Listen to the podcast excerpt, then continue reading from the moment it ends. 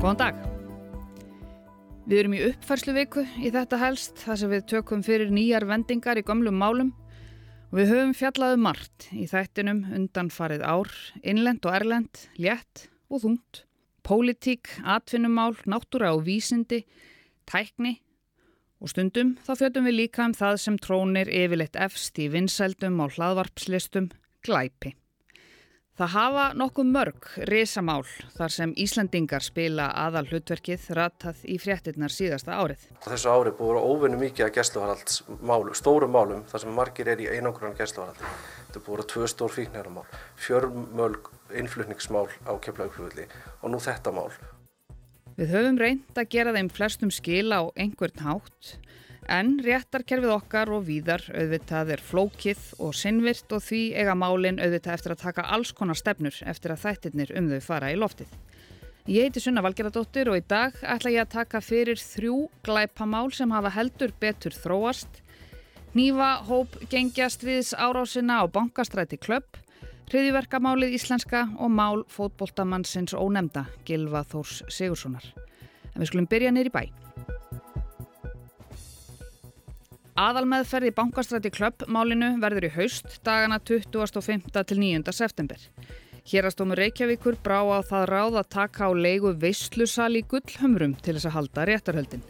Dómarinn upplýsti verjendur með tölvupóstum nú í byrjun í júni sem Freyr Gíja Gunnarsson fréttamaður og Rúf greindi frá að veistlusalurinn uppfylli þarfagreiningu dómsins. Gullhamrar eru sem sé risastórsalur í Gravarvogi. Er rétt hjá KFC og Taco Bell og Krónunni og þar. Þetta er vinsælstaður fyrir ársáttíðir og aðrar stórar samkomur. Þar er kappkostað við að veita persónulega þjónustu og vel skipulagða metnaðarfulla veitingamennsku þetta stendur á heimasíðunni. Þar er líka upplagt að halda fundi, afmæli, brúðköpsveislur, fermingar og já, greinilega réttarhöld.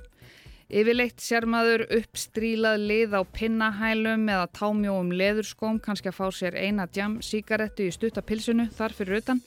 En í haust sjáum við líklega lauruglubíla, menn í hettupeisum, útsendingarbíla og herr af fréttamönnum.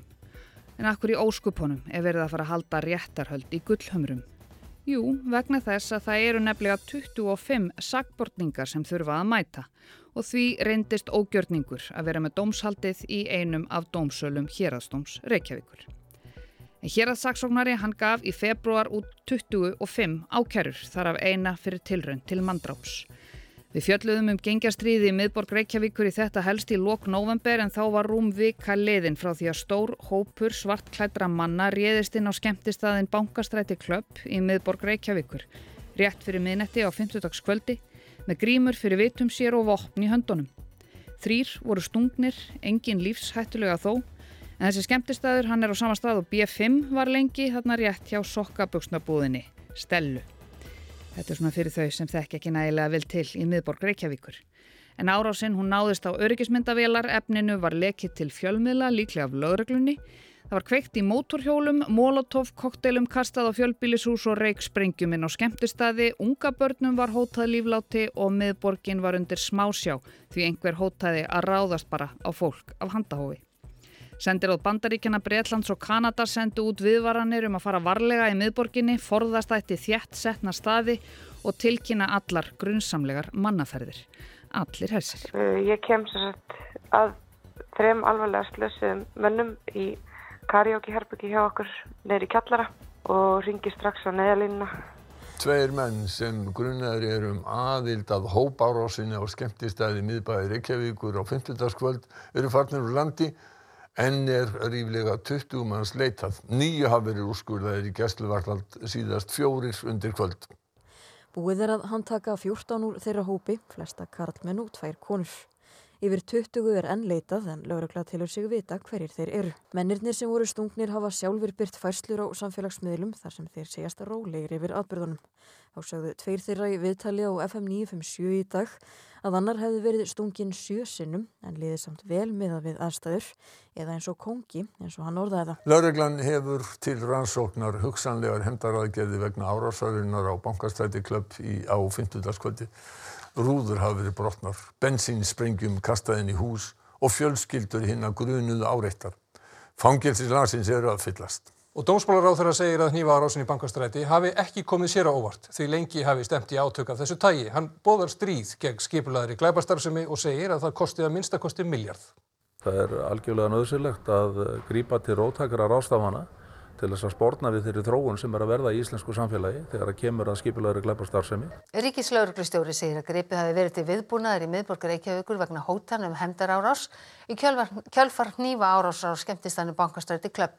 Hótanir bárust um að myrða ungbarn í aðdraganda árásarinnar að sög lögumanns mann sem er í gesluvartaldi vegna málsins. Í dag voru skjáskot af samskiptum á samfélagsmiðlum í dreifingu þar sem heimdar árásir hóta hér í miðborg Reykjavíkur næstu helgi og að ráðist verða á fólk að handahófi. Við viljum ekki endilega vera eitthvað að fara neyri bæ ef það er eitthvað ótt um að eitthvað sé lappandi um með hníf. Svona hún útilokaði að ég færi neyri bæ, get ég sagt. Við ætlum ekki á skemmtistæðin eitt svoleis þar sem að það voru ákveðni staðir um, nefndir eins og svona klúpar og svona og ég hugsa að við ætlum að halda okkur fjarrri þeim í þetta sinn allavega. Ég fekk sendt skilabóð frá mömmu minni til dæmis að vera ekki að fara nýri bæ núna og það eru margir rosalega stressaðir yfir þessu og eðlilega. Þetta náttúrulega er einstakur atbyrgur sem að í rauninni hef, maður hefur ekki séð á það. Sko. Lauruglumenn verða áfram á hverju strái í miðborginni í kvöld og í nótt vegna hættu á mögulegum hemdarárásum í gengjastríði. Allt gekk stórslísalust fyrir sig í nótt. Þetta var brot úr helstættinum um gengjastriðið í miðborg Reykjavíkur síðan 28. november. Það er ekki ólíklegt að við fylgjum því eftir í haust þegar málið fer fyrir dóm í gullhömrum í Gravarvogi. En það voru fleiri mjög ólöglegar hótanir sem rötuði í fréttinnar og við greindum frá í þetta helst. Fyrsta hriðjuverkamálið á Íslandi var þingfest í byrjun þessa árs. Sakbortningarnir þeir voru ákerðir fyrir tilraun til hriðverka. Þetta eru vinir, Íslandingar á þrítugsaldri, annar yfirlýstur nazisti en hinn mikill bissu áhuga maður. Þeir framleitu eigin vopp, töluðu um að taka fólk af lífi, keira með trukk inn í gleðugönguna, ráðast inn á ásóttíð lauruglumanna, gera dróna árásir og fleira í þessum dúr. En hérastómur hann vísaði málinu frá í februar slíkir ágallar væru á ákjærum héraðsaksóknara vegna meintra hriðverka og landsettur staðfesti þetta eftir áfríun þangað. En hér að saksóknari gafst ekki upp. Nú í fyrirluta júni skrifar Freyr Gíja frétt þar sem kemur fram að ennbættið hafi ákveðið að gefa út nýja og skotheldari ákæru. Og þetta er að nýjasta sem hefur frjast af hriðiverkamálinu. Þetta var atbyrðarás sem var að mörguleiti mjög skrautleg. Ég gerði tvöfaldan þátt um vinina sem ætluði að fremja hriðiverk og fekk mjög góðan liðstyrk í það verkefni. Hann er handtekinn sá fyrsti með hérna uh, þrývitaðprentuð vopn, mm -hmm. úrskurðarkjæsla var allt, sleft, lögganopna síma, sér samskiptinn, handtekur þá, úrskurðarkjæsla var allt, blamanafundur, ríkislauruglurstíður segir af sér, eða segir sér frá málinu hérna, mm -hmm. viku setna, mm -hmm. svo gerist ekki neitt fyrir bara 13. desember. Þetta er Freyr Gíja Gunnarsson, hann er samstarfsmaður minn og fréttamaður á Rúf. Hann hefur skrifað mikið um dómsmál í gegnum tíðina og hriðiverkamálið er þar engin undantekning.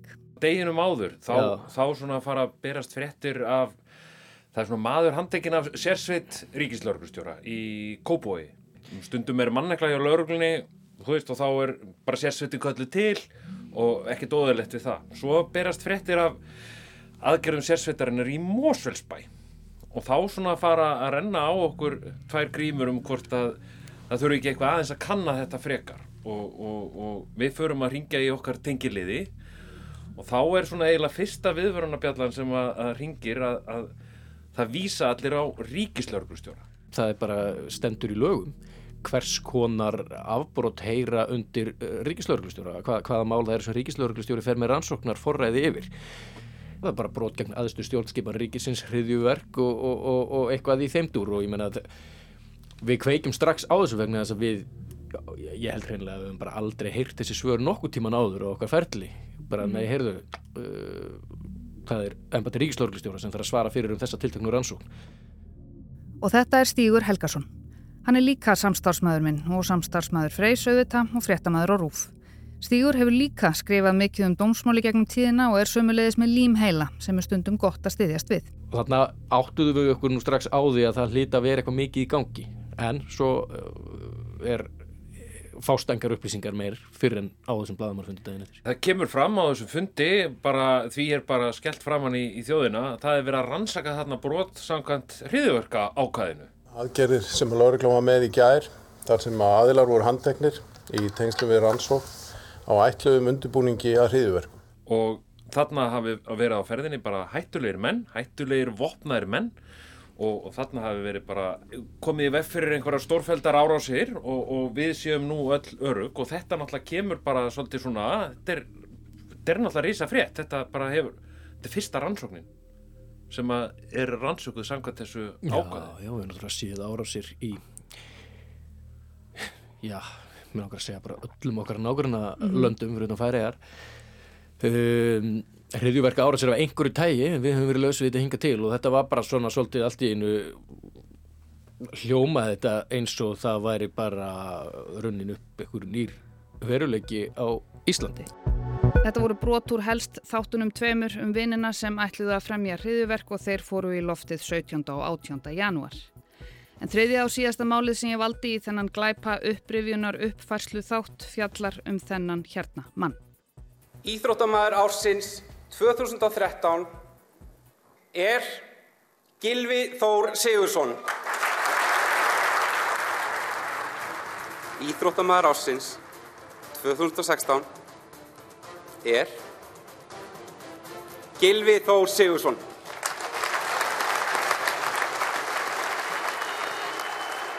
Sigurdsson and he scored! What a wonderful free kick from Gylfi Sigurdsson. Well, that is amazing. Gylfi Sigurdsson. You set up a chance here for Sigurdsson. It's 2-1 to Iceland.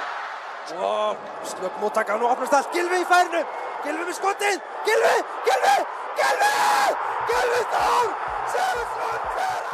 Gylfi Þór Sigursson, eitt farsælasti fótboltamaður sem Ísland hefur alið, var handtekinn á heimili sínu í Manchester sumari 2021 grunaður um að hafa brotið kynferðislega á barni. Það eru komin tvö ár síðan núna. Gilvi, hann var aðna leikmaður Evertón og likilmaður í íslenska landsliðinu en hann var látin laus gegn tryggingu, settur í farbann sem var framlengt aftur og aftur og aftur. Fjölskyldan flutti heim til Íslands, Evertón tók hann úr leikmannahópnum og framlengdi ekki samningin við hann, hann var saltaður í íslenska landsliðinu og lauraglan í Manchester gaf ekkert út nema bara að málið væri í rannsókn, það væri mikið af gögnum. En rannsókninni lauk svo í byrjun februar. Málið snýrjast um multiple sexual offenses, mörg eða ítrekkuð kynferðisbrott. Og svo, núna, 14. apríl gerðist þetta. Gilvi Þór Sigursson, fyrverandi leikmaður enska fótboltaliðsins Everton verður ekki ákjærður fyrir kynferðisbrott og er laus allra mála. Í yfirlýsingu sem talsmaður lauruglunar í Manchester sendi fréttastofu kemur fram að rannsóknarteimi og saksóknarar hafi átt í nánu samstarfi að undarförnu og komist að þeirri sameiginleiri niðurstöðu að, að gögnmálsins og það sem komið hafi fram við rannsókn þess uppfylli ekki viðmið sem finna megi í reglum saksóknara ennbættisins. Gilvi og reyndar Evertón líka í huga skadabótamál enda óskiljanlega miklir peningar í spilinu svo ekki sem minnst á allt hitt sem skiptir jú líklega meira máli. Gilvi kom heim til Íslands skömmu síðar, FH og Grindavík buðan velkomin á æfingar og öruglega einhver fleiri lið líka. Hann rætti við íslenska landsliðstjálfaran um endurkomu og hinn og þessi lið út í heimir og láta það berast út að þau séu í viðræðum við hann. Það fóru tveir helst þættir undir mál ónemda fótboltamannsins og hér eru brot úr þeim. Sigurður hefur reynd kannski eðlilega eftir fremsta megni að fá stjórnvöld til þess að kippa í einhverja spotta fyrir svonsinn en það hefur ekki skilað miklum árangri en það liggur heldur ekkit endanlega fyrir hvað Gilvi Þór á að hafa gert. Þarna í júni því gerði fyrri þáttunum Gilva hafði breska íþróttatímaritið The Athletic byrt nýverið stóra grein undir fyrirsögninni Mál ónemda fótbóltamannsins sem er til rannsóknar vegna kynferðisbróts gegn barni eða The Case of the Unnamed Footballer Being Investigated for Child Sex Offenses. Hlustum á smá brot úr því.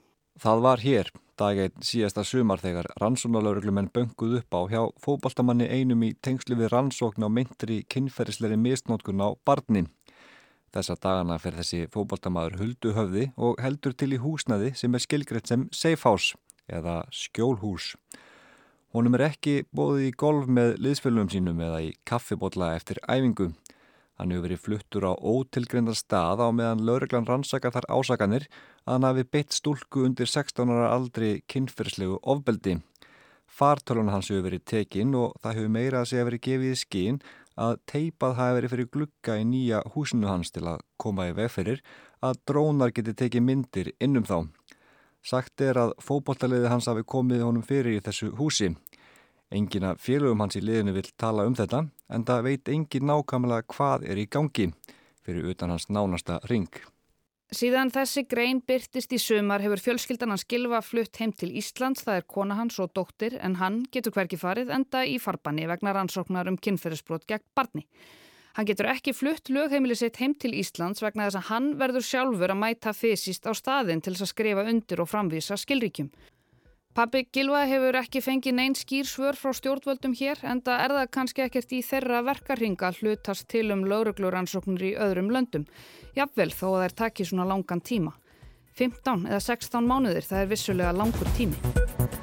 Þetta voru brotur helst þáttunum um ónemda fótboltamannin Gilva Þór Sigursson síðan 14. júni og 1. november í fyrra og það má nálgast alla þessa þætti í spilararúf.